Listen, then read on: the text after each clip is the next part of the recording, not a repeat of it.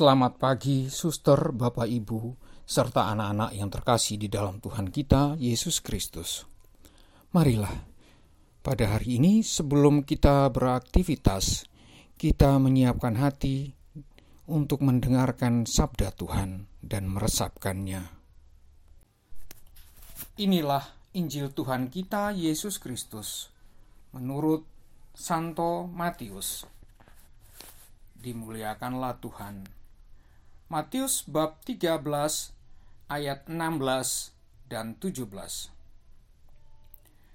Tetapi berbahagialah matamu karena melihat dan telingamu karena mendengar.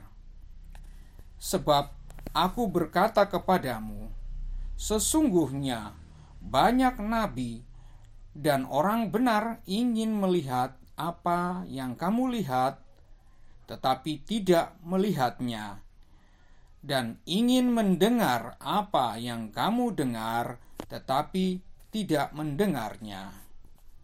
Demikianlah sabda Tuhan. Terpujilah Kristus. Suster, Bapak, Ibu, serta anak-anak yang terkasih di dalam Tuhan kita Yesus Kristus. Proses beriman mirip seperti proses belajar mengajar di dalam kelas atau yang sekarang kita lakukan secara online. Di sekolah, kita belajar banyak hal yang belum kita mengerti. Ketika kita tidak mengerti suatu pelajaran, seharusnya kita bertanya.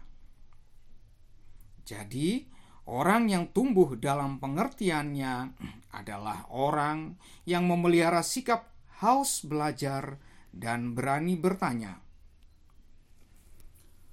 Para murid Yesus tidak mengerti mengapa Yesus mengajar dengan perumpamaan.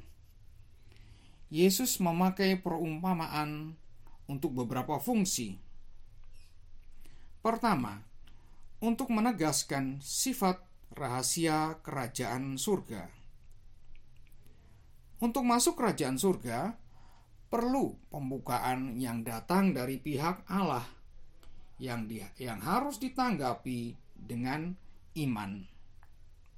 Jadi, inisiatif Allah mutlak diperlukan baik untuk menyatakan rahasia kerajaan Allah maupun untuk membimbing orang agar menanggapi pewartaan kerajaan Allah itu dengan iman.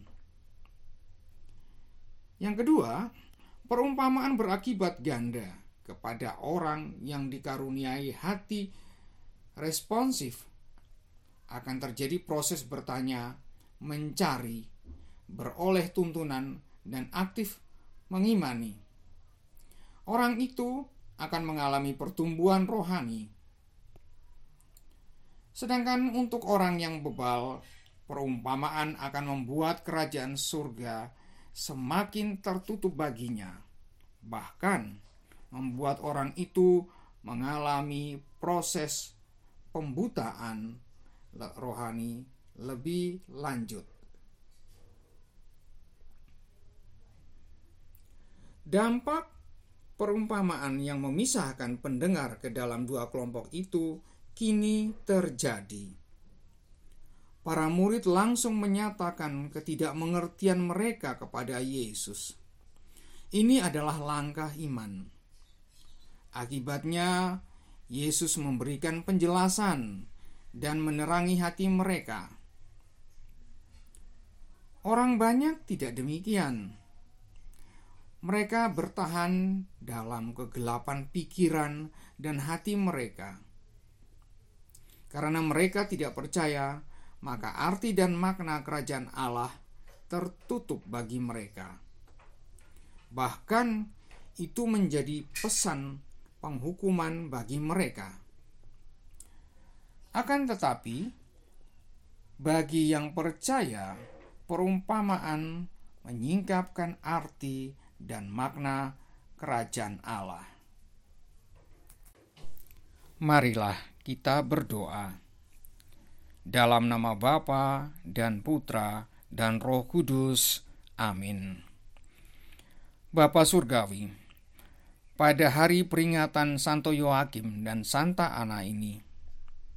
Secara khusus kami berdoa untuk semua orang tua agar mereka terbuka bagi rahmat yang Engkau berikan bagi kehidupan keluarga yang benar di matamu.